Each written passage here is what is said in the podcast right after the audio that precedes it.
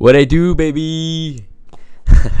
Hvad hedder det? Hvad så, man? Long time no see? Øh, eller, det er rettere long time no podcast, men så mange af jer derude nok ved, så øh, har der det sidste stykke tid foregået nogle, nogle, nogle ændringer ind på sort på hvidt øh, platformen. Vi har ændret det der, hvor tidligere var vores øh, primære kanal, der hed sort på hvidt. Øh, den har vi så ændret til, at den nu er en livsstilskanal, livsstilsplatform, hvor der er, vi deler alle mulige ting som mode og tøj og sko, musik, memes, film, sundhed, alt mellem himmel og jord til folket. Men samtidig har vi valgt at holde fast i, i vores, selvfølgelig vores sportsplatform. Øhm, men den hedder nu bare, den er bare ændret, så den nu hedder sort på hvidt underscore sports, hvor I stadig kan gå ind og blive opdateret på, du ved, alt fra sjov clips fra sportsverdenen til silly season, transfers, øh, highlights, alt mellem himmel og jord, rygter, vi dækker det hele. Øhm, og så den sidste kanal, vi har ændret, eller vi har startet, ikke ændret, øh, den hedder Sort på Hvidt Merch. Der har vi faktisk skabt sådan, så man ligesom kan blive opdateret på vores nye kollektioner, som vi dropper det, hvor man kan købe vores merchandise, og bare generelt se udviklingen fra, du ved, handling, øh, fra tanke til handling, øh, i forhold til design, så nogle forskellige initiativer, vi tager. Og så faktisk øh, sidst og ikke mindst, så kan vi også øh, i dag løfte sløret for vores nye hjemmeside, der hedder sortpåhvidt.com et, øh, en platform, hvor vi kommer til at øh, skrive vores egne indlæg øh, om sport, om mode, om, film, om, om filmanmeldelser og så videre. Og vi er selvfølgelig stolte af at præsentere vores hjemmeside, og vi håber på, at, øh, at, vi, bruger, at vi bruger den. Øh, gå ind og tjek den ud, og giv os, giv os feedback på, hvad, hvad, hvad vi kan gøre bedre, hvad for nogle ting, vi kan ændre på siden. Øh, Ja, og der er faktisk også en webshop igennem, som man kan købe sit merchandise. Øh, vi har kopper, vi har kasketter, vi har hoodies, t-shirts, øh, vi har tasker, you name it, man. Bare øh, kom ind, hop ind på sortpåhvidt.com med to A'er, og øh, tjek den ud. Um, og alle de her initiativer og ting, vi ligesom starter og forsøger, det er jo bare endnu et skridt på vejen i forsøget på at blive øh, jeres foretrukne sportsmedie, og nu også jeres foretrukne livsstilsmedie. Øhm, så vi håber, at I vil gå ind og supporte det og vise det lidt love.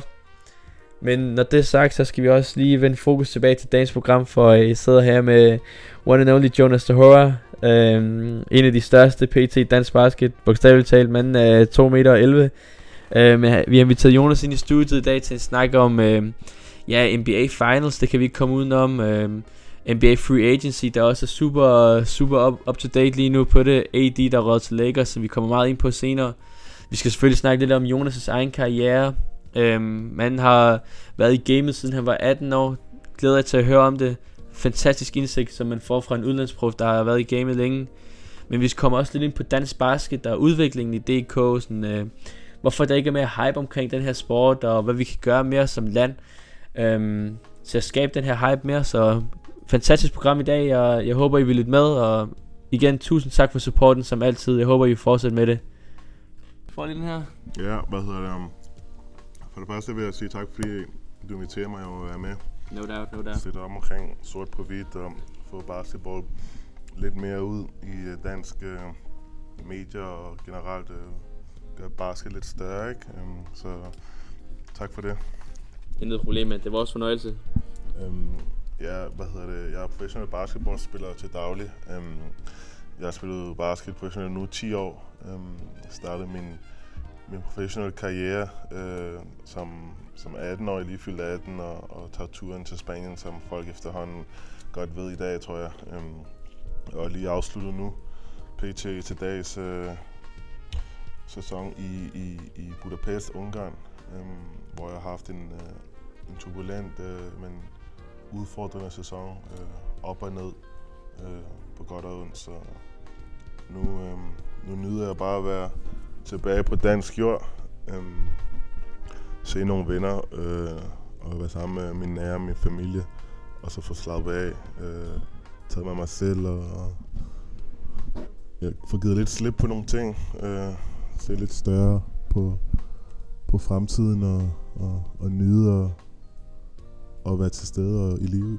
100, men det bliver en kæmpe fornøjelse, selvfølgelig det er vores, det er vores glæde at have dig med i studiet. Det, det er godt at høre lidt om, du ved, insight om, hvordan det er at være dansk basketspiller, hele, hele grinden til forhåbentlig målet. Meget, the marathon continues til NBA, som man siger. Men øh, ja, altså, du kommer lidt ind på det her med, hvor lang tid øh, du har gjort dine ting i forhold til basket og sådan noget. Så jeg tænker bare, at vi hopper ud til det, ud i det. Hvad hedder det? NBA Finals. Jeg ved, du er, du er Toronto-fan. Så det har med været fuld hype der, hvor øh, at de vinder Larry OB. Hvad, hvad, hvad var dine tanker om hele finaleserien, Kawhi og skaderne til Kevin Durant? Jeg ved, du selv havde skader som professionel basketspiller. Ja, altså, um, nu så jeg øh, sidste finalekamp der, og havde ikke set de andre, men selvfølgelig øh, tilfreds med, at der er et nyt hold, der kommer ind og, og gør, gør en forskel og, og viser, at det er muligt, at andre hold kan vinde og slå Warriors. Øh, jeg tror, mange efterhånden er blevet lidt træt af Warriors hele tiden, øhm, og så selvfølgelig også øh, fansen, ikke? Men øhm, så kan man jo så sige, at øh, diskutere igen politik om, om de havde vundet, hvis øh, Clay Thompson og Kevin Durant ikke var skadet, sådan og sådan, men øh, i sidste ende, så, En del af spillet. så er det en del af spillet, og der er fem spillere på banen, og der er ikke der skal ikke være nogen undskyldninger her. Selvfølgelig gør det godt, men de viser jo stadig, at de, at de kunne slå med Durant og Clay Thompson inden. Um, så jeg synes, det, det er mega fedt, og tillykke til, til Toronto Raptors. Um, nu er jeg ikke 100% Toronto, men jeg støtter selvfølgelig op omkring dem mod Warriors. Um, så Hvad for et hold supporter du så i NBA? Um, jamen, jeg er nødt til at sige, at uh, jeg supporter der, hvor LeBron er selvfølgelig. LA. Præcis det samme. LA Lakers. Ja, og der er mange, der har det sådan, du ved, men han betyder bare noget større end, uh, end basket sådan, og NBA. Og sådan. Han er bare et idol og inspiration. Uh, Bigger, more than an athlete. Ja, præcis. More than athlete. Så. Men ellers så, der er mange hold, man godt kan lide. Um, jeg har også godt uh, altid kunne lide uh, OKC, ikke? Oklahoma. Jeg synes også, de er interessante på deres måde. Um, men uh, jeg håber på, uh, på en LeBron playoff uh, næste sæson. Og, 100, og, og se, hvad der sker derfra. Ja, altså selvfølgelig, man kommer ikke udenom det med skaderne spiller en rolle, men jeg synes faktisk sådan, igennem hele sagen, også da Clay var med, og sådan, altså, jeg synes faktisk, Toronto gjorde det meget bedre. De, de spillede godt defense, og Warriors, altså de lå ranket som øh, 13. bedste defense. Der er aldrig et hold uden for top 10, der har vundet et NBA-trofæ. Sådan historisk, ikke? Så det er sådan lidt, de har, de har grindet hele sæsonen Toronto, tog en chance på Kawhi, The Claw. Det, det, var, det er det, der skal til nogle gange. Man skal satse på det, fordi at intet hold er uafvendeligt, og skader er en stor del af spillet. Altså det ved man også bare nu, sådan KD er ude et år, og Clay Thompson er i hvert fald ude til februar næste år, ikke? Altså, du ved, så det er sådan, men, hvis man ikke satser, hvordan ved du så, og det er også noget af det, som jeg for eksempel ikke kan lide ved, ved Celtics, at de, altså de har alle de der assets med draft picks og unge spillere og sådan noget, men de ikke satser, de ikke satser på Kawhi sidste år, eller Paul George, eller Jimmy Butler førhen, ikke? Men bare holder på en masse assets, som i princippet er værdiløse, for du ved ikke, hvad de bliver til, i stedet for at få sådan nogle etablerede spillere. Men jeg synes faktisk, vi skal komme lidt ind på det her, sådan, hvor, nu vi snakker om skader, sådan, hvor kritisk det er med, at Golden State har de her skader næste år med, til KD og Clay, sådan, og de, kan, rigtig, de er lidt låste i, i forhold til lønninger, salaries, øhm, hvis de maxer KD out, eller i hvert fald prøver, eller i hvert fald hvis de maxer K- eller Clay ud. Så hvad tænker du med det? Hvad, hvad er deres chancer? Kommer de i playoffs næste år med Steph og, ja, det er så kun Draymond? Altså, i realiteten, så for at være helt realistisk, så tror jeg godt, at de kan, de kan tage den til playoffs igen uden øh, uh, KD og, og Clay Thompson selvfølgelig. Det, det ændrer på holdet struktur og spillestil og, og, og, og hvor gode de er, og måden de kører ting på, fordi der går så meget spil og angreb øh, igennem deres offense i KD og Clay Thompson. Øhm. men det tror jeg bestemt, det kan. Vi ser jo også øh, Stephen Curry, der får mange flere skud øh, og, og scorer 40 point, øh, tror jeg det var, i var det kamp øh, 5 eller, eller var det kamp 6 i den sidste kamp der, og, og bliver nødt til at tage over. Øhm, han kan så ikke... Øh, han trækker den så ikke hele vejen. Han, han, han løfter ikke og, og vinder for Warriors, du ved, alene uden KD og, og Clay. Um, Ande, Ja, han har haft mange af de der ankelskader og sådan lidt. Mm-mm. Så hvad hedder det? Det er jo, det er jo til forskel for øh, LeBron, ikke? Øh, når man sammenligner, hvis man skal sammenligne Curry og LeBron, at LeBron, han, han gør holdet bedre. Han kan udover at, at lave sine egne buckets, du ved, og klæde offensive, så, så løfter han hele holdet, så samler han hele holdet og gør alle de andre spillere bedre, ikke? Og der er Steph øh, mere sådan øh, individ, sådan øh, skytte, skruer, du ved, og, og ikke en trussel på den måde. Øh, med sine holdkammerater, du ved, hvis han går til kurven, man skal, du ved, gå ind og trække angrebsfejl eller double team, så de andre er frie åben. Øh, så de andre er frie, ikke? Um, så derfor, det, det bliver interessant at se, men jeg tror godt, at de kan, med al den erfaring, Warriors har gennem årene, experience og sådan noget der, så, så er de stærke nok i vest stadig, øh, vil jeg mene. Også hvis der kommer nye spillere ind, og hvis der skal, hvis der skal trades øh, og alt sådan noget der. Alt kan altid ske fra sæson til sæson, men øh, jeg håber det for, for dem, men også for NBA stadig at se dem. Altså, hvad kan de gøre, hvis de har nogle skadede spillere, ikke? Hvor interessant bliver det at følge dem. Øhm. Ja, altså de har for eksempel lige traded øh, for, hvad hedder han, nogle draft picks, anden second round draft picks til for 1,5 millioner og, og sådan lidt til, fra Atlanta Hawks. Så de prøver lige at sådan lave, lidt, lave lidt strukturen om i, i på holdet og få nogle af de der minimum contracts, fordi de godt ved, at der ikke er så meget at gøre rundt med næste år med salaries. Men jeg tænker bare sådan med, med Golden State, det der sådan lidt bremset dem, jeg tror også bare, man, man bliver mæt, og man bliver også bare træt. Altså man kan se, sådan, de har været i finalerne med KD, tre år i træk og fem år i træk i alt, tror jeg det er. Så, nej, fire eller fem år i træk. Og sådan, det gør bare meget, så man skal spille de der ekstra kampe, ikke? Sådan, det er en, en helt postseason, at det, det er meget mere intenst, og sådan nogle små dogs som Patrick Beverly, der bare dræber dig fuldstændig op i dit hoved, og sådan, man ved også, de sådan går lidt, sparker lidt til Stephs ankler for eksempel, eller sådan lige knæ ind her, eller et eller andet, ikke? Det, det, det er fuldt dirty spil, når det kommer til playoffs, fordi det, det er bare der, man, man tjekker sin money ind, ikke? Men jeg tænker bare sådan, Steph, jeg synes bare altid, han er, han er fed, han er en fed spiller og sådan noget, men han, han er jo point guard, men han er altid sådan som en shooting guard for mig, fordi han, han spiller den, Draymond løber meget rundt på screens, screen, screen, screen, og så får han den skyder. Det er ikke sådan, at han selv lige kræver skud til Draymond, eller kører mod kurven og kigger den out. Men jeg synes, når vi snakker om LeBron, er han stadig den bedste spiller i ligaen? Eller er det så en af de andre, der har været i playoffs i år, sådan Jarnes eller Claw? Altså, eller hvem, hvem tænker du? Altså, lige for at, at afslutte den med skader, ja, selvfølgelig, det, det, det er tough at spille uh, 81-82 kampe, hvor meget der er i NBA i en sæson på så højt niveau. 82. Uh, 82 med så mange, uh, ja, så mange kampe og så meget pres uh, mentalt, men også fysisk. Uh, det slider på kroppen. Vi ved selv i dag, for at være professionel og bare spille cirka måske 30-50 kampe på en sæson, hvor hårdt det er, ikke? og hvordan det tager på kroppen. Og når du så har det forventnings... Øh, på dine skuldre forventnings, øh, at du skal levere, øh, og du skal være en lederrolle hele tiden, være på, ikke? og være bedre end de andre, det, det tager meget på en, og det og ved man. det der fuld stress med medierne hele tiden, ja, ja. og spørgsmål og sociale medier, alt det der tryk hele tiden. Præcis. Så, hvad hedder det, men jeg tror, at, øh, altså jeg synes bestemt stadig til de spørgsmål nu her, at øh, LeBron øh, i min, øh, med min mening, så synes jeg, at LeBron, han stadig er den bedste. Selvfølgelig har han ikke taget holdet med, eller det er ikke en selvfølge, men han tog ikke holdet med her til playoffs. Øh, men, men det var også hans første sæson, og med nogle, altså med nogle rigtig unge spillere, ikke? der ikke har så meget erfaring der. Og, øh, men, men, men nu tror jeg, at tingene kommer til at se anderledes ud. Han har set tingene igennem sæsonen, og jeg tror, de finder ud af, hvem han skal ind på holdet for ligesom at, at, at tage den videre derfra. Øhm, men jeg synes også helt klart, at uh, Giannis han skal nævnes uh, som være en, uh, en mulig kandidat. Uh, ikke en Kawhi? Uh, jo, Kawhi han er også, uh, altså han har jo vundet, så han er helt klart en, en MVP-kaliber, og også en af de bedste lige nu i NBA, men hmm, altså det er sådan lidt, jeg ved ikke, hvordan jeg skal forklare det, lidt eller LeBron-stil, Kawhi han kører i år. Han har også selvfølgelig et godt hold, du ved, med en masse forskellige rollefordelinger her og der. Um, men sådan, han har ikke vist gennem, gennem de sidste år, siden han kom til. Han har ikke været konsistent hele tiden og været dominerende og været en mm. trussel på den måde, som han har gjort i finalerne i år. Og det er jo til forskel for LeBron. Han har hele tiden præsteret ved en af de bedste, og øh, Kawhi han gør det først nu, så jeg synes stadig, at man skal sådan bevise noget over længere sigt, øhm, og måske vise, at han kan gøre det en gang til næste sæson for eksempel. Øh, men ellers, altså KD, han er jo også, altså man bliver nødt til at nævne ham, og man kan lide ham eller ej, og trods hans skade ikke være med her i slutfinals, han er jo stadig måske en af de bedste også, ikke? og man kan ikke stoppe ham på nogen måde. Um, en af de bedste scorers nogensinde, uh, altså.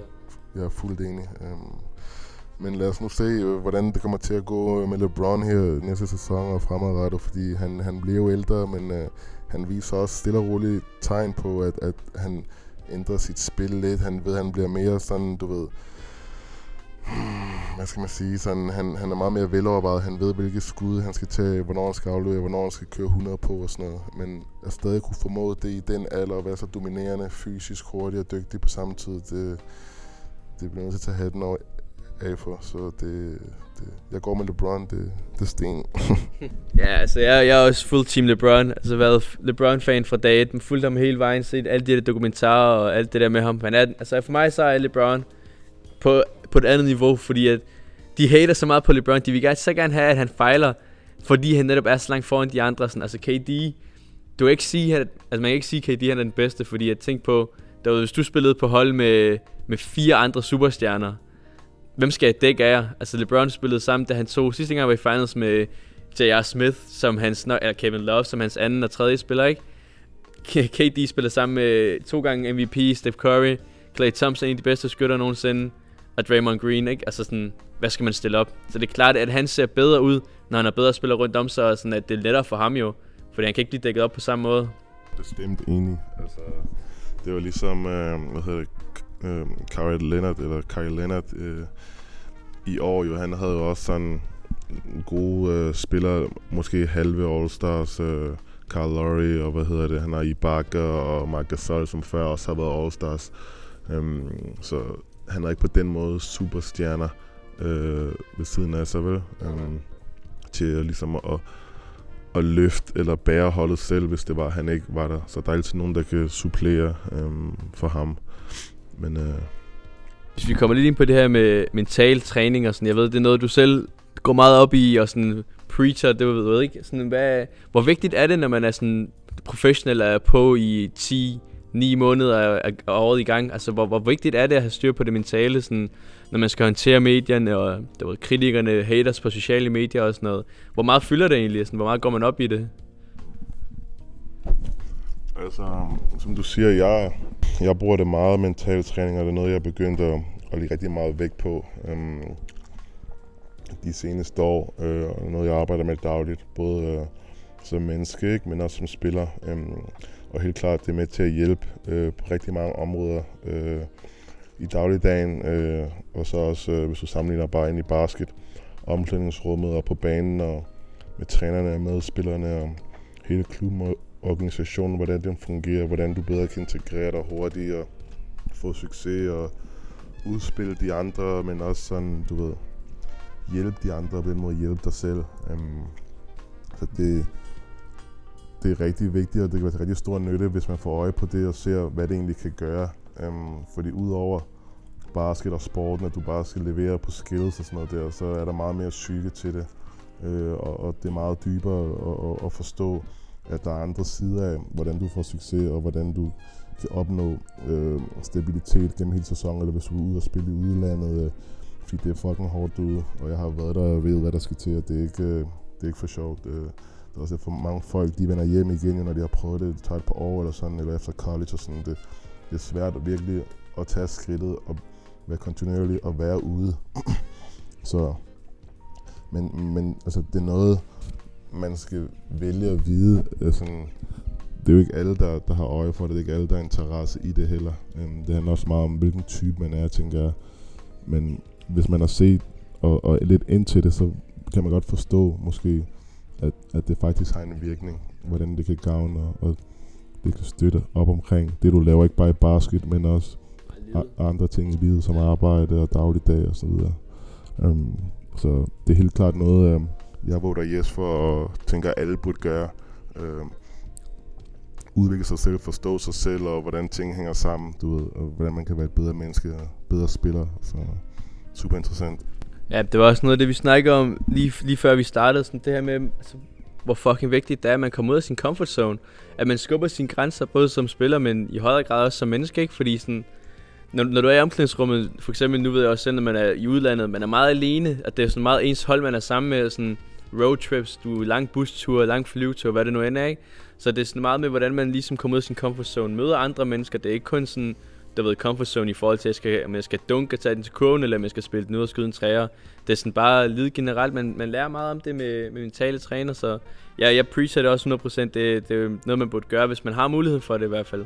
Ikke bare som et læg, men bare, det ved jeg jo sådan overall, ikke? Og så hvis vi bare, øh, hvis vi bruger det her øh, final snak til at snakke videre lidt om uh, free agency og sådan om NBA. Nu, nu røg AD, han røg jo til, eller det er ikke 100% officielt endnu, de har ikke skrevet under på noget, men AD han røg jo så videre til uh, Lakers nu fra Pelicans. De fik Alonso Ball og Brandon Ingram, Josh Hart. Og fire pick i aften i NBA-draften. Og ja, så to andre additional picks i fremtiden. Hvad tænker du, hvordan tænker du, at uh, free agency kommer til at blive i år? hvordan har de her skader påvirket? Nu ved jeg, jeg ved, KD var rygtet til Nick, og så, hvad hedder det, Clay, hvor måske også lidt snakke om, hvor han skulle hen til Lakers eller noget. Han blev nok bare i Golden State. Men hvordan tænker du, skader de påvirker free agency? Har det en effekt? Øh, det har jo altid en effekt, det ved man at på den ene eller den anden måde. Øhm, hvad hedder det?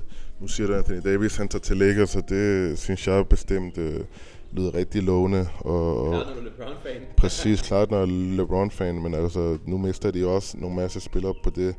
Um, Ingram siger du, og Lonzo Ball, og hvem var det med, du sagde? Josh Hart der. Så hvad hedder det? Det er jo stadig spillere, der, der har været en vigtig del og en stor faktor for Lakers, og det er tre mand, ikke? Um, man kan så diskutere, er det det værd, Anthony Davis, er det værd, kan han levere, kan han gøre det bedre for alle de tre spillere sammenlagt. Um, så de der ting skal man heller ikke undervurdere, at, at man mister nogen, der har, der har været en stor del af, af hele truppen for et hold, og man så også skal have en ny spiller ind, som faktisk ikke har spillet øh, på hold med dem før, og skal til at finde ud af sin rolle, eller du ved, han kommer til at få rigtig stor indflydelse selvfølgelig, men han skal stadig kunne indordne sig efter, at, at det er LeBron, der styrer showet på en måde, ikke? og de andre spillere, så jeg tror folk, de, de undervurderer lidt det der med, at ja, man får måske en god superstjerne ind på et hold, en fucking god spiller, øh, og det snyder sådan noget, men hvad det egentlig kræver for at tilvende sig den, øh, den plads på holdet. Og du kan se, at LeBron er lige kommet ind nu i år på Lakers, så han tog den ikke til playoffs. Det er sværere, end man tror, selvom han har været på toppen. Så hvad hedder det, man skal ikke undervurdere det, bestemt. Øhm, så det bliver spændende at se øh, på de andre hold også, øh, hvad der sker der. Generelt alt, hvad LeBron han gør, det bliver undervurderet folk jo. Der er, ikke, der er ikke nogen, der sætter pris på, hvad det er LeBron han, altså hvor stor LeBron han er. Prøv at se, han er, han har lejet rundt med Raptors i tre år nu. Han er væk det første år, de vinder og kommer i finals og sådan noget, ikke? Så det er sådan, overvej, det er næsten det samme hold, undtagen du har byttet DeMar DeRozan, Jonas Valanciunas med Marc Gasol og Kawhi Leonard. Det er næsten det samme hold, som LeBron bare har lejet med og swept i tre år i træk eller et eller andet, ikke?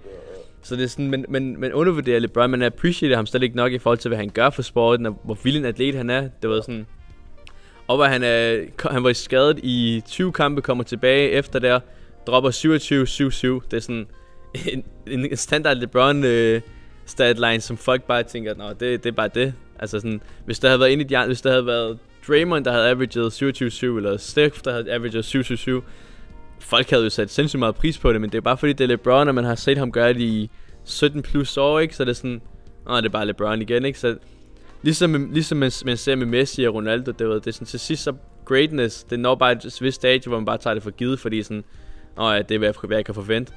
Præcis, og så hvis de så taber, du ved, og, og, og bliver slået, så, fordi man forventer, at de vinder, så er det lige pludselig ja, godt nok. Så er det jo hurtigt at blive taget um, kritik på, du ved, ikke? Og så glemmer man, som du siger, tager for givet greatness, og hvor mange år man har gjort det, og hvordan han har swept alle de andre hold, og ført alle sine hold. Med fucking rollespillere alle sammen. Med rollespillere, så jeg er klart enig. Vi sidder begge to og mumler lidt, fordi vi sidder og, sna- og snakker den op. Der er lidt lækkert her i studiet. Men hvad, hvad tænker du ellers med de andre? Sådan, hvor tror du Kyrie han ender for eksempel? Han har jo også han har jo snakket lang tid med KD om at linke op i, øh, i Knicks eller Nets eller et eller andet, ikke? Sådan et stort marked. Og nu er KD jo skadet, så hvis vi hedder, en Kyrie tager afsted hen, så er det jo solo i hvert fald det første år. Og sådan en skade som KD han får til Achillesen, det er jo ikke fordi man kommer tilbage og bare 100% med det samme. Det er, det er jo sådan en, der faktisk ændrer hans karriere. Så hvad, hvordan tænker du, at Kyrie han ender hen, eller hvor KD han ender hen, og Boogie Cousins, hvad han får sin max money? Der, altså, jeg læste her forleden, at 40% af ligaen er skadet, eller hvad hedder det, er free agents lige nu. 40%, men det er næsten halvdelen af ligaen, der kan skifte hold og sådan noget, ikke? Det er jo vanvittigt jo. Altså, jeg, jeg synes, det er rigtig spændende at se med Kyrie Irving. Ham skal man ikke glemme, hvor dygtig er, og hvilken rolle han også har haft. Ja, Uncle Drew der for Boston, og hvad han gjorde øh, med Cleveland der med LeBron, da de vandt mesterskabet. Um, nu har hun prøvet det, øh, prøvet det af lidt i Boston der, og, og prøvet at skulle tage showet selv, selvom han har haft en rigtig god spiller ved siden af, men måske var lidt øh, i tvivl og usikker på i starten, om også skulle forstyrre ham og, og, og tage over, du ved, og hvor meget øh, de ville betyde, sådan, om, om han kunne dele bolden, eller hvem der skulle have bolden mest og så videre.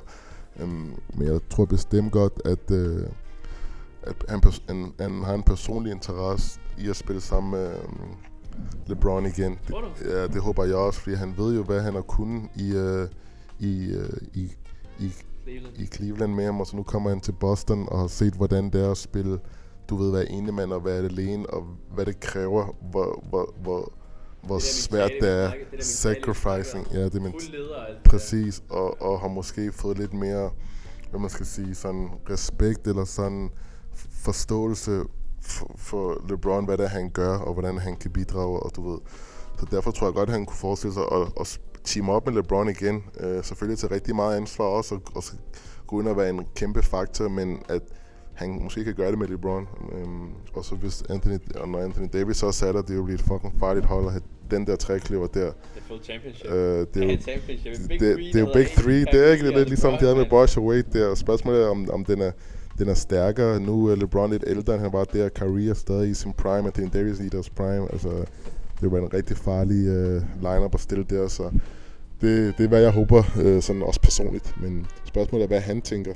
Hvad han kunne uh, forestille sig. Ja, en mærkelig type, men han er lidt skør. Ja, Han er en skør type, Kyrie. Ja, han er lidt øh, for sig selv, men jeg ved ikke, han tror, han prøver at gå efter at, at gøre det selv og få den der harden, den der fame der, og den der respekt, du ved, anerkendelse af, at han, han kan gøre det selv. Um, og det han prøvet nu, og jeg er ikke sikker på, at han, han er frisk på at gøre det igen med et andet hold, eller om han skal, eller om han skal teste af på det andet hold. Og øh, han kan jo ikke gå nu med, med tanken om at vende på KD, der skal tilbage fra sin skade. Han bliver nødt til at tænke det nøje igennem og finde ud af, hvor kan jeg få, få succes, hvor kan jeg få et championship henne lige nu og her. Fordi han er også, altså han er 26-27 nu også. og, Altså det, Det er prime. det er prime nu, man skal, man skal hente, hvis man har goals som flere øh, ringe, så Jeg tror, jeg føler, hvis det er, at de linker op Kyrie, Uncle Drew, LeBron og AD, at det bliver bedre end, uh, end The Big Three i Miami, fordi at, altså, D-Wade eller Anthony Davis. Jeg vil, jeg vil tage Anthony Davis, fordi jeg tror ikke, folk sådan helt forstår, hvor god Anthony Davis han er. Altså, han er, han er 8, han averager 28-13 for et trash hold som Pelicans. Og det er ikke fordi, det er ikke fordi, at D-Wade, øh, altså han var sindssyg, men han var også meget skadet. Altså, med, med, og han var shooting guard, og jeg tror bare, det kommer til at passe det helt bedre med, med LeBron og AD nu. Og hvis man så også lige kan få en, øh, en Kyrie Irving op i den der, det, det bliver sindssygt jo. Det er jo fuld, det er fuld championship næste år, så der er ikke noget at komme efter. Men jeg forstår bare ikke, altså lige nu, de har kun fem spillere på deres roster, Lakers. De har Kuzma, øh, LeBron, og så får de AD, og så har de sådan øh, Mo Wagner, Bunga og en tredje, Alex Caruso. Man skal have 12 spillere, eller, eller andet sådan rotationsspillere og sådan noget, ikke? Og hvis de maxer Kyrie ud, det er sådan, hvad skal de fylde resten af truppen med? Så det er sådan, jeg vil sige, hvis de tog en masse spillere, som for eksempel sådan noget øh, Green fra Toronto, tog øh, Jeremy Lamb fra Hornets, og signer sådan nogle Seth Curry, sådan nogle rollespillere, der alligevel godt kan average sådan, det var ikke sådan 10 point i 20 minutter eller et eller andet, ikke? Lav, fylder, fylder truppen ud, ligesom Toronto gjorde i år, man ser sådan, hvor meget bredden egentlig, de, de brugte sådan Normal Powell, i Ibaka, der kommer fra bench og sådan noget, ikke? Det fylder meget, sådan, hvad, og hvem tror du egentlig konkurrerer med Lakers, sådan som det så ud lige nu næste år? Øhm, jeg tror, at, øh, at det er vigtigt. Øh, øh, jeg er sikker på, at LeBron han er med til at styre, øh, hvordan Lakers de skal køre deres, øh, deres nye spillere på holdet, hvem de skal hente og sådan noget, men at han er erfaret nu, at det er vigtigt, at han ikke bare henter hvem som helst, men det ved han også selv. Han er jo ekspert på området, hvilke spillere han har behov for, hvem han har lyst til. Han har jo set hele players igennem nu. The GM. Ja, GM, han har jo set, hvem han har lyst til at spille sammen med, hvem der kunne gavne ham på hvilket hold. Um, så jeg tænker ikke, han vil ud i den der situation igen, der, hvor det var, at de havde en masse spillere. Hvem var det nu, de kørte der med, med det år der? Isaiah Thomas?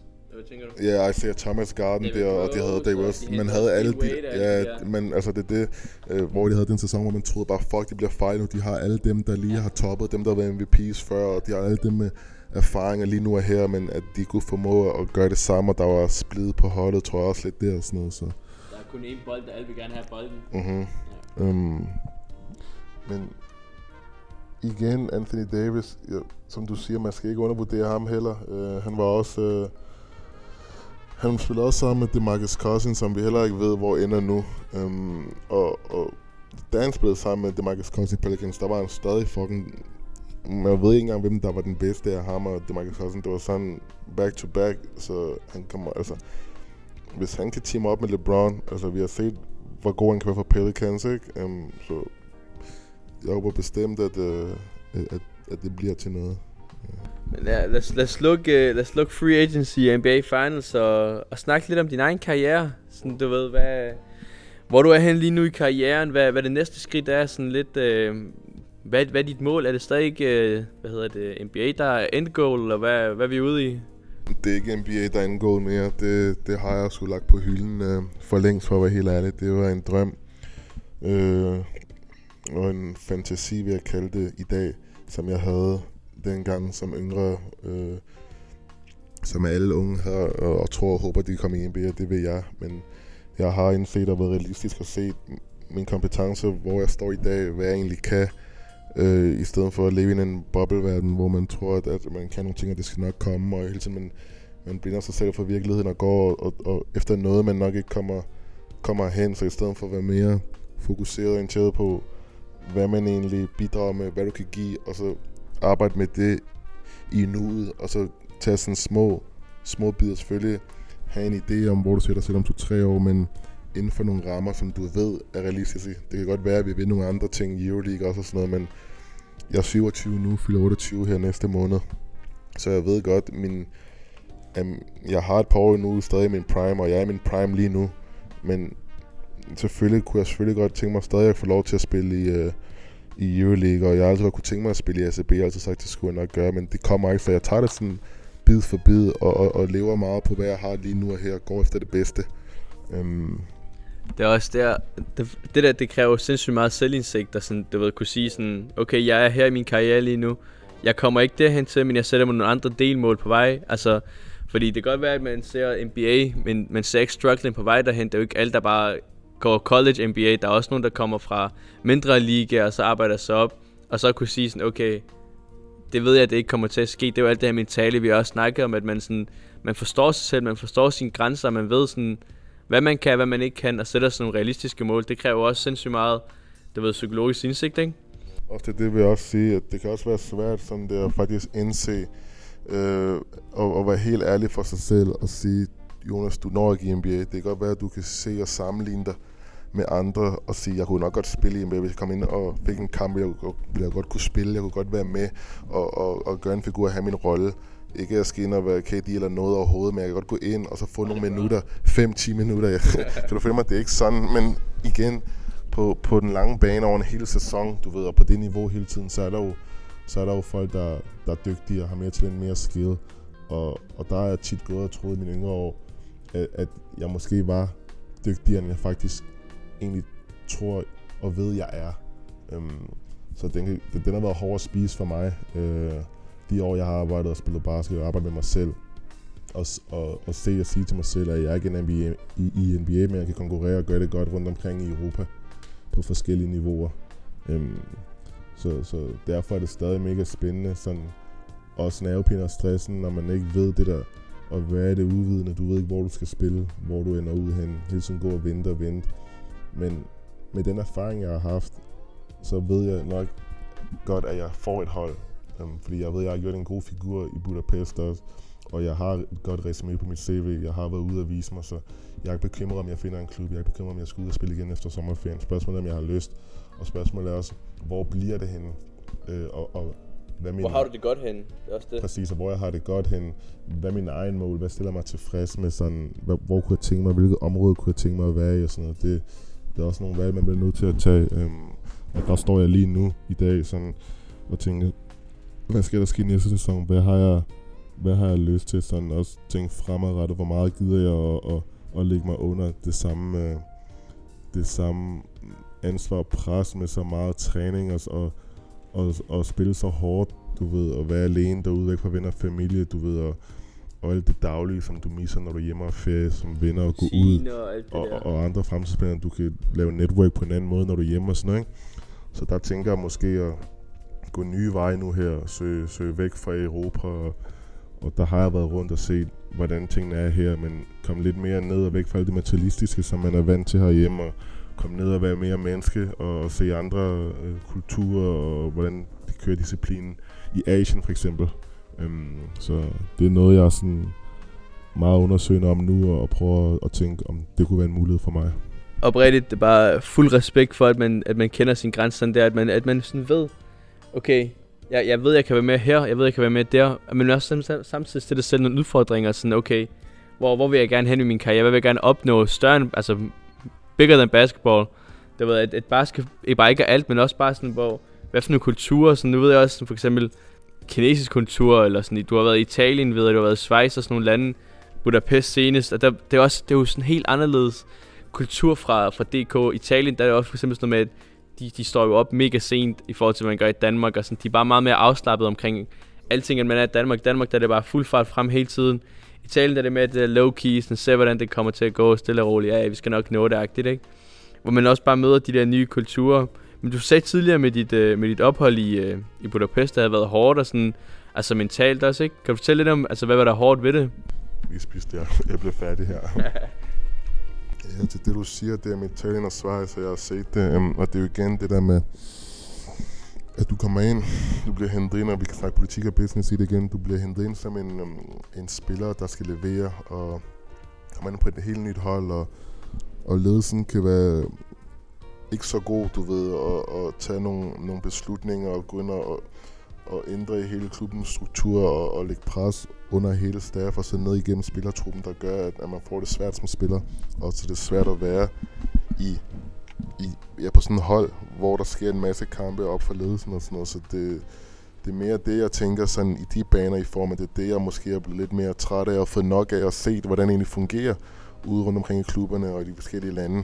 Og, og, og der ved jeg jo, at ikke fra erfaring, men der ved jeg, at, de, at tingene de er anderledes, hvor i Asien, der er nogle lande, hvor basket ikke er så respekteret, som det er hjemme i Europa.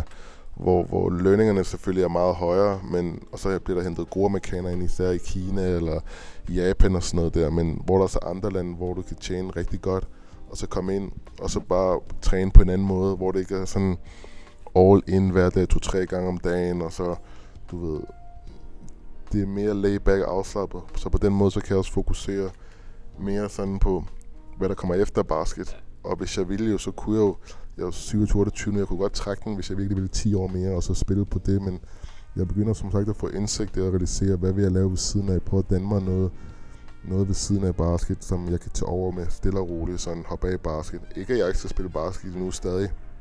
Jeg er stadig et, jeg tænker stadig, at jeg skal ud efter sæsonen her, eller efter sommeren her, og spille igen et sted.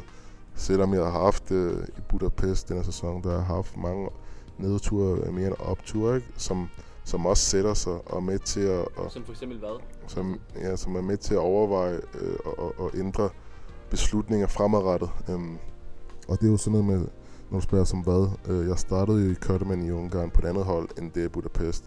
Og der har jo set mig, at jeg skulle gøre det fucking godt der. De spiller også europæisk turnering, øh, Alpa Adriatic hed den. Og, øh, og der vælger man så at gå ind og, og fyre mig i gåsøjne, ikke? Øh, skifte mig på et andet, eller skifte mig ud der, fordi der var, der var råd der med, med borgmesteren af klubben, som, som ejede holdet, og mellem mig og ham, øh, sådan, og sådan træneren, han blev påvirket af det. Han, det var træneren, der gerne ville have mig, det var ham, der hentede mig til klubben og kan lide mig, men så bliver underlagt en anden leder, der mener, at man ikke skal kunne have sat på mig, fordi jeg havde noget skulder-issue i starten, så man var bange for at vil bogge mig. Og det boggede mig overhovedet ikke, og gennem hele sæsonen også, der skiftede, der skete der ikke noget med den skulder, og det tænkte jeg at styre på, men at man kan være så man kan være så usikker i sådan en ledelse der, at man er helt fuldstændig styret af sine følelser og ikke tør at tro på, hvad spilleren siger, og sådan gå ind og lave et samarbejde der og tage tingene hen ad vejen. Der, altså, det kan gå dybt, man kan virkelig snakke politik i det her, og, og det er ikke det, jeg vil komme ind på, men jeg vil bare komme ind på at sige, at, at det der med, at, at det godt kan være hårdt ud i klubberne, og der kommer pres og, og mentalt hårdt, og man skal skifte klub, og så finde et nyt hold, og så skal du tage ansvar der på det nye hold, for et hold, der lige er kommet op i ligaen for første sæson, som er en anden division sæson inden, og, og de er en helt ny kluborganisation, og de har ikke været i den position. Ja, i den position før. De ved ikke, hvad der skal til, så de er helt nye. Samtidig med, at jeg er ny. Jeg har selvfølgelig dannet mig erfaring, spillet rundt omkring. I Europa jeg ved godt, at jeg skal bare levere. Men at man ligesom med til faktisk at støtte dem, og få løftet dem, og give dem erfaring også at snakke med dem, og være der og mødes der som gode arbejdspartner, det er fucking interessant. I stedet for, at det, det bliver sådan indordnet det soldat gør sådan, ellers du ved, det, det kan godt være lidt hårdt for en personlighed som mig. Mm. Jeg vil gerne have, at man kan sådan, man kan samarbejde og lytte på hinanden, øh, og på den måde sådan gå, gå igennem tingene sammen, at der er god kommunikation, og om, om man kan mødes som mennesker, sådan og tale tingene rent ud og sådan noget.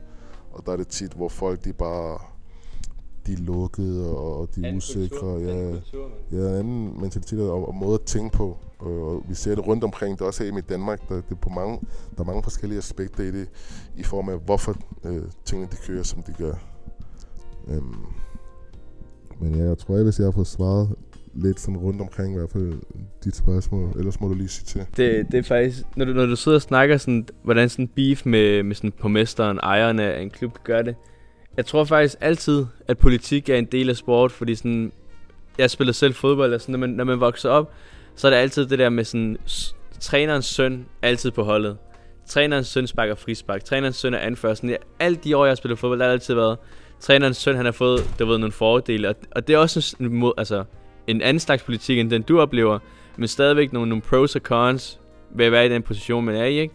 Og det viser også bare sådan, der folk tror, at sport bare er sport, men der er også sygt meget politik i det, og det er også noget, man ser sådan for eksempel, hvis man snakker nu i, i sportens verden med Real Madrid og Gareth Bale, at de binker ham, fordi at de ikke vil have ham med i klubben, og det er nogen, fordi han spiller for meget golf eller sådan noget, ikke? Altså sådan nogle ting, hvor klubben blander sig i nogle ting, der egentlig ikke graver dem, men fordi at det, der er politik i sport. Altså sådan lige meget, hvordan man vender og drejer den, fordi at du er en atlet, men for dem så er du også bare en investering. Du er også bare et tal på bundlinjen, sådan, okay, sådan, Jonas koster mig det her, han skal give mig det her. Hvis det så ikke sker sådan noget, så skal jeg jo have noget andet end min investering, ikke også? Så det er sådan lidt, det er sådan, man, men nogle gange forglemmer i sportens verden, hvor, hvor, hvor hårdt det er alt det der. Øh, ja, til det så vil jeg også sige, at der er jo i sidste ende, så er det jo business og penge, og der er selvfølgelig politik i det. Altså på det hold, jeg afsluttede i Budapest der, TF Budapest hedder det, der, øh, der var klubben kørt af altså min holdkaptajn på holdet, øh, han var kæreste med GM, øhm, en, en kvinde, ikke? Øh, 35-årig holdkaptajn der. Og hende, øh, kvinden der, som er GM, hendes mor var præsidenten af klubben, så det var sådan en familieorienteret ting, de kørte har han fordel der, det, det, det, så kan man sige, at han har fordel, men sådan er livet jo. Der er jo mange ting ude i verden også, der er sådan, og, og det er fair nok, men man bliver meget til at, det er så vigtigt at finde sin plads og relation med de der folk der, og komme ind og gøre det godt, for så ved du, at du kan stå sikkert, og, og, det, og det er det, der, det er det, der er tough derude, at, og det er derfor, det er så vigtigt at kende gamet, hvordan tingene bliver kørt derude. Som du siger, man bliver hentet ind som en bræk, penge skulle du leverer, og så gør dit og dit, så bliver du fyret. Men er, hvor vigtigt det er at kunne se igennem hele det, der spiller strukturen, hvordan tingene foregår, og gå ind og faktisk bruge sådan viden og intelligens, manipulation, psykologi på samme måde i sporten, for at kunne være og stå i det fordi det, det det sidste, det handler om i sidste ende, også bare ude i normal arbejdsdag rundt omkring i verden, at det er fucking hårdt at bare skal det råt ud, mand. Og inden man har set sammen, så er du fyret, eller så, er du på, så står du på toppen, eller så sådan og sådan, det kan gå begge veje. Ting, det sker ikke tilfældigt, det sker en årsag, og det spændende er bare, om man lægger mærke til det, om man bruger det og ser det og arbejder med det, eller man bare gør ting helt ubevidst, fordi man er sådan, og de, de der ting, der for mig er super spændende og interessant at arbejde med og forstå dem. Og lære at bruge dem, så du selv kan være med til at medvirke alle dine valg, at du ser dem på et andet niveau, hvis det giver mening. Ja, øhm, og og det, det, det har jeg gjort mange år nu, i mange sæsoner. Startende helt tilbage i Barkenbergs, hvor jeg havde min første kampe med Michael Pilos der. Og øh, Shout-out til, til Barenberg og ham, at de gør det utrolig flot. Første, første shout-out uh, til dem. Det, det bliver nødt til at sige, at, at de gør det godt og hjælper med at løfte dansk basket, og jeg håber, det bliver ved sådan, at de andre hold, de også skal tage ved lære ved det, og, og, og det kan være med til at, at, at løfte dansk basket, og de andre hold, der kommer mere interesse, der kommer flere spillere til fra udlandet, og på den måde øh, træner, der, der, der ser på at komme hen. Jeg shout her senere, jeg har det. du, ved, du ved, hvem du er, Sorte Prins. Hvad hedder det? Altså, det lyder lidt på mig sådan, altså, hvis du skulle give et råd til sådan nogle andre sådan upcoming danske spillere, sådan unge spillere, der sådan lige, du ved, ligesom du var, der var 22-23 år, vil du anbefale dem at tage ud og prøve sig i udlandet, eller vil du sådan give dem sådan, at blive de trygge rammer i Barking Bears, eller Horsens, eller Næstved, eller et eller andet, og så se, hvad der sker der i DK, eller Eller ligesom for eksempel, jeg ved, du er venner med Ife. Du ved, han spiller i Spanien nu. Vil du, vil du have anbefalet, hvis nu han kom til dig og sagde sådan, bro, hvad, skal jeg tage afsted, eller skal jeg ikke tage afsted? Sådan, jeg er helt alene i udlandet og sådan noget. Hvad, hvad tænker du med det? Vil du sige, tage afsted og prøve det? Det, det, det gælder om at tage... det gælder om at finde ud af, som individ, som spiller, og det menneske, du er, hvad din drømme, hvad din, hvad din ambition er, øh, og så kaste sig ud i det. Der er også, altså, jeg har også ændret mig sygt meget de sidste 10 år, fra da jeg var 18, og jeg stod nogle helt andre bukser dengang. Jeg vidste jo ingenting overhovedet om de ting, jeg snakker om i dag. Jeg var sådan en basketballspiller. Og der når at ske en masse, du udvikler dig på mange punkter. Din krop den ændrer sig, dit spil ændrer sig, din, din Ja. viden, din hjerne, alt. Du, og uanset hvad vi gør, så ændrer vi os, og så sker der ting i løbet af livet, som vi ikke er herover. Så man selvfølgelig kaste sig ud i det, som jeg gjorde. Jeg kastede mig ud i det, det var det, jeg ville dengang. Jeg tog nogle, nogle valg, og det havde konsekvens øh, på mange forskellige områder i mit liv i dag. Og, og, det, og det er jeg taknemmelig for. Det, det, det er super fedt at stå der, hvor jeg også udfordrende og hårdt. Jeg har også så mange kampe til daglig. Men alle de unge der, jeg synes bestemt, de, de skal tro på det, de skal ville det. Og så bestemt smut øh, fra DK hurtigst muligt, inden du fylder 18. Altså jeg var lige fyldt 18, da jeg rejste. Jeg tænkte, wow, tænk hvis jeg var startet til basket 10 år inden, og havde mulighed for at træne der, hvor jeg var i Spanien i sådan en tidlig alder. At komme ud og få rigtig skole. Altså rigtig balkanskole, serbisk eller øst. Et eller andet syd, altså hvor, hvor basket det er større end herhjemme, hvor de forstår at gå ind og disciplinere, faktisk at lære individuelle rigtige færdigheder, du ved, og så være i god i et godt miljø, hedder det, som du siger, et godt miljø, hvor, hvor, hvor der er konkurrence hver dag, og man er i et andet rampelys, hvor scenen er større, der er muligheder faktisk at tro på basket, fordi når du er herhjemme, så er du bare i, i, et, i, et, i, et, i et samfund, hvor hvis, hvis du ikke lige gider, altså, du bliver også forstyrret af at bo i Danmark, øh, at være dansker og bo i Danmark i sporten, fordi der er så mange muligheder ved siden af. Der er ikke, det giver ikke, sporten giver ikke nok herhjemme. Det er sådan noget, if you make it, you make it, og så skal man tro på, der er kun, og så skal man lægge fucking meget i det, du ved. Og, og det gider folk ikke herhjemme, du ved. De vil hellere, i den unge alder, når folk starter gymnasiet der og sport og sådan noget, så bliver fristet af byen og sådan noget, og så, ja, ja, og, og damer og så videre, men der handler også om psyken jo, hvad du vil, hvad du tror på, hvad du er til, sådan om du virkelig vil det.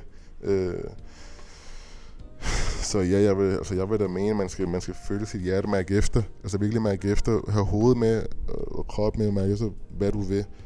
Og så hvis du har lidt, øh, lidt hjælp, eller du kan bruge noget, en eller anden til at støtte dig og give dig nogle, nogle, nogle råd til, hvordan du skal klare det. Altså, jeg er også åben for at snakke med, med unge, der, der er usikre eller har spørgsmål til, hvad det vil sige, eller, eller hvad der skal til, om kan jeg gøre det, kan jeg, altså, jeg er åben for at snakke og give erfaring og råd og, og støtte, du ved, face-to-face talk med sådan nogen, fordi jeg ved, hvor svært det er, og jeg vil ønske, der har været nogen for mig også dengang, at dansk basket var stort på den måde, så man bedre kunne komme ud og, og få delt sine ting, alt sådan noget.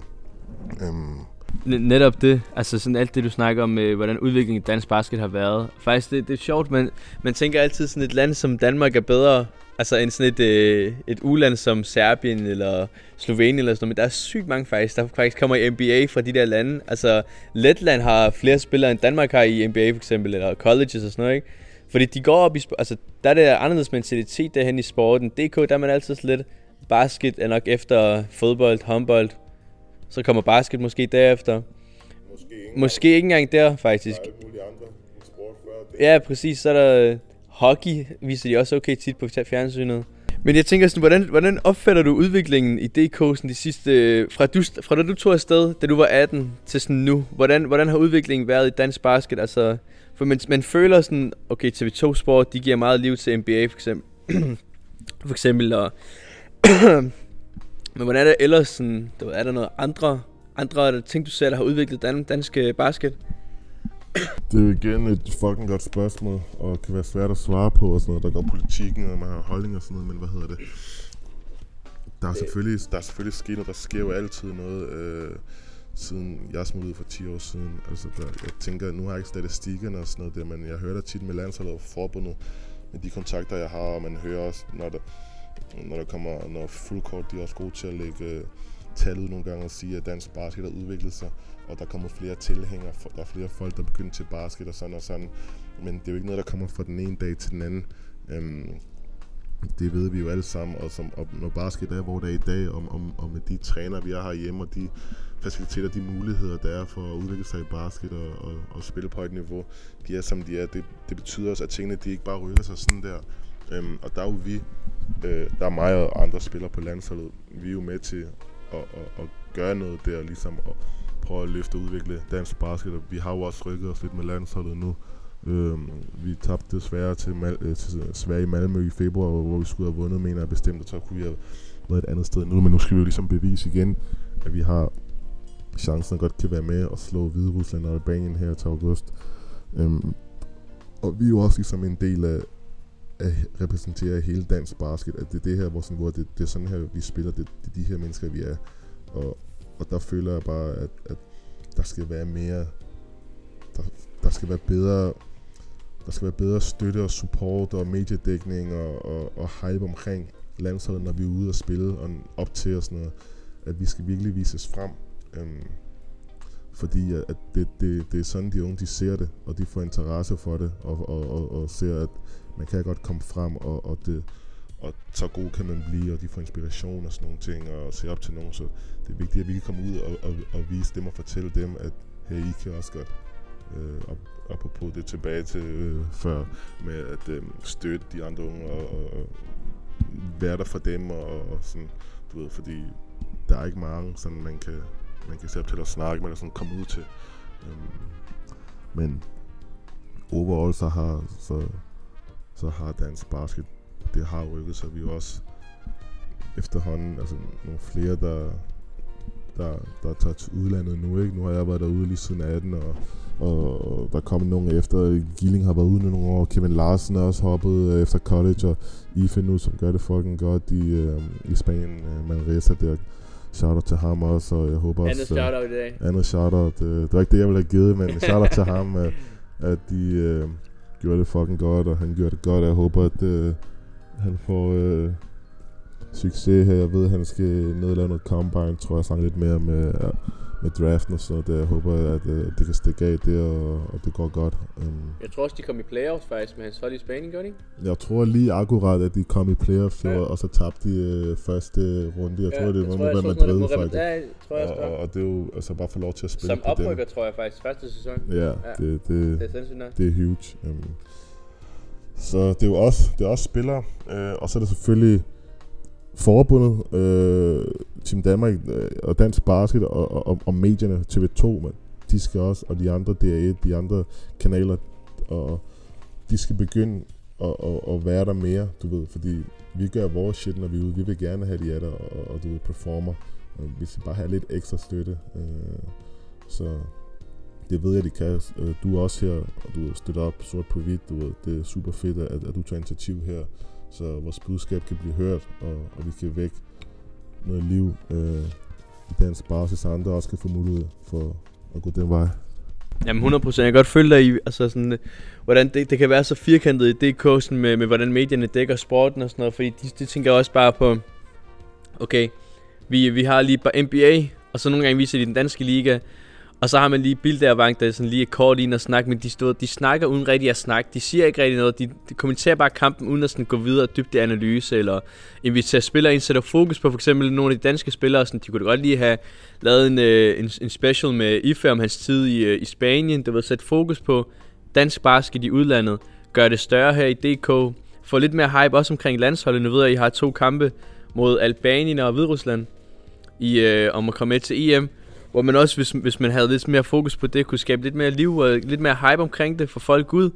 Jeg ved ikke, altså hvordan, øh, hvordan er det at være hjemme i DK og, og spille de her danske landskampe? Altså er der, er der liv i, på tribunerne, eller er, det, er det lidt tørt?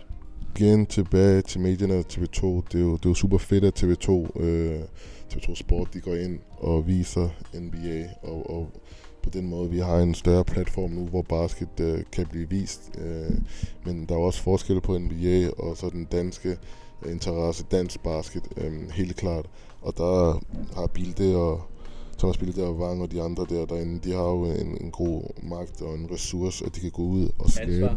ansvar også, og skal gå ind og tage ansvar og vise, øh, at, at, at de kan gøre en forskel, og, og især når vi er ude med landsholdet og har kampe, at, at de kan gå ind og sige, at den her kamp, den skal vises, der skal lave noget, noget optag til den, der skal lave noget reportage, nogle mini øh, fun, whatever, et eller andet på tv, reklamer og sådan noget der, komme ud, banner hele lortet med at få, få strammet op omkring de der ting der, og smide nogle, smide nogle penge efter det, fordi vi manglede bare så lidt i, øh, i Malmø der. der var, jeg hørte, der var forventet rigtig mange øh, 100 mennesker til kampen, eller hvad, fra Danmark bare, og det var fed kulisse i Sverige, men jeg føler ikke, der var, der var mange danskere, der var lidt familie, man så her og der, som vi inviterede, men det var ikke sådan, der var 100 i røde og hvide, der bare stod nede og, og brølede. Og det er sådan nogle ting, ikke? Øhm, som, som, som medierne, de kan være med til at dække, øh, gå ind og snakke om, øh, om, om øh, landsholdet inviterer folk ud, lave noget hype, lave noget reklame, og på den måde lokke folk til, og, og folk de nyder at se sådan en kamp med det inde. Det er jo en fed oplevelse at få lov til at se sådan noget, øh, og, og det er jo for helvede, øh, det er en kamp, øh, man kan det, det mindste altså, gå ind og, og smide en journalist og tv-mand ind og lave noget øh, før indkampen. Det kræver jo ikke noget. Øhm, og så er der bare sådan noget med selve dækning under landsholdscamp og periode og sådan noget, at du kunne se Sverige, hvor gode de er til, vi kunne jo måle os med Sverige. Altså, de har jo en fucking Instagram-profil øh, for landsholdet, hvor de går ind og, og, og laver reklame, ikke? Øh, viser, billedernes, øh, viser spillernes dagligdag og kommer ind under, øh, du ved, ind under, hvad kalder man det, huden eller sådan, ind under spillerne og finde ud af, hvem de er, og se, hvordan, altså følge dem under sådan en cam der. Øh, og det kan, jeg kunne gøre det, hvis, hvis jeg fik øh, lov at, øh, at forbundet det, så kunne jeg da lave en fucking øh, profil og filme rundt selv. Det er folk, synes var fucking fedt, ja. Øh, bare sådan nogle små ting, ikke? At man sådan gør, noget, gør lidt mere ud af det. Øhm, der er mange ting, der kan, der kan gøres bedre, så der er masser af arbejde nu, ved at bestemt sige. Laver lige hurtigt, hurtigt. Dagens tredje shoutout til kvindelandsholdet faktisk. Øh, de, de sætter faktisk rigtig meget liv også på, øh, på Instagram og sådan. De, man følger tit, de har sådan noget spillerprofil, hvor man så følger en spiller, øh, hvordan, de, sådan, hvordan de gør det sådan i løbet af dagen, hvordan de forbereder til kampen og sådan noget der. Og det synes jeg også, det, det gør det lettere for folk, det ved at få et forhold til den spiller, man skal ind og se, fordi når der netop ikke er den her dækning af sporten i DK, så når du kommer ind på Instagram, fordi alle unge har sociale medier nu, sådan alle er på sociale medier, så når du, når du ser dem på Instagram, så næste gang så sådan, åh oh, fuck, jeg så skulle da, nå, ham der Jonas så hårdt, som jeg så en på bla bla bla side, sådan, åh, oh, ham der kender jeg, eller sådan, ham der ved jeg lidt om, eller et eller andet. Er det på den måde, man ligesom skaber fokus? Det, det er så minimalt det, der skal til for at få sådan en global sport, du ved, Afrika, sådan nogle lande som Cameroon og sådan noget, de får en DK. Altså, de holder camp, så jeg ved ikke, hvor mange... Der er ikke sådan rigtig så meget hype i DK omkring de her... Omkring NBA endnu. Til trods for, at den, den har vokset. Altså, der er kommet flere danske kampe på fjernsyn og sådan noget. Men det er stadigvæk en mini-docs om for eksempel øh, dit ophold i, i Budapest. Hvordan det, hvordan, hvordan det er at være udlandsprof. Hvordan det er at komme hjem til DK igen. Struggling med at, at skulle finde en ny klub. Alt det der, sådan ligesom gør det mere relatable. Få det mere i øjenhøjde med folk sådan hey, de her danske basketspillere, de gør det her, det her for deres land i målet om at vokse sporten og sådan noget. Så ja, jeg, jeg føler da 100% det må være, det må være en struggle at se. Altså også fordi man ved, hvad der, altså man ved, hvad det er, man går igennem, at man ved, hvad, hvad der skal til for at sætte fokus på det. Og at man så ikke lige mærker den der kærlighed, lidt love, det gør det også bare, du ved, lidt mere nederen, ikke? Jo, det, det er bestemt... Øh, altså, vi kunne se det danske fodboldlandshold, de, dem kendte man jo heller ikke noget til før, sådan, og så gjorde de det fucking godt, og lige pludselig så fik de bare en masse omtaler, og nu ved alle, hvem de er, og de får dækning hele tiden og sådan noget. Det, det som om, at man, selvfølgelig man skal bevise sig få resultater først, men vi er der jo hele tiden jo, og det kræver ikke meget lige at, at, at give lidt Love. øh, lidt love til sporten. Vi vil alle sammen gerne have, hvis vi kunne være med på den store scene, jo, for det er der ikke nogen, der ikke vil se ske, jo.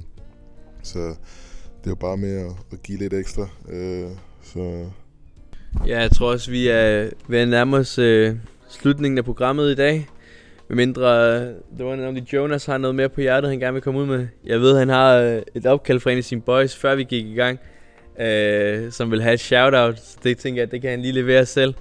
ja, hvad hedder det? Shoutout til Sort Prins. Øh, Mellemmand af hans nye sang her, der er premiere i aften. Øh, inde i byen 23.30 på øh, Nørreports øh, bar. Hvad fanden hed den? Det kan jeg ikke huske. Anyway, Sorte Prins, Mellemmand. Gå ind og lyt til den. Ja, med det så vil jeg egentlig bare sige tak, fordi du var med i dag. Det var en kæmpe fornøjelse at få lidt indsigt i, hvordan det er at være, hvordan det er at være prof.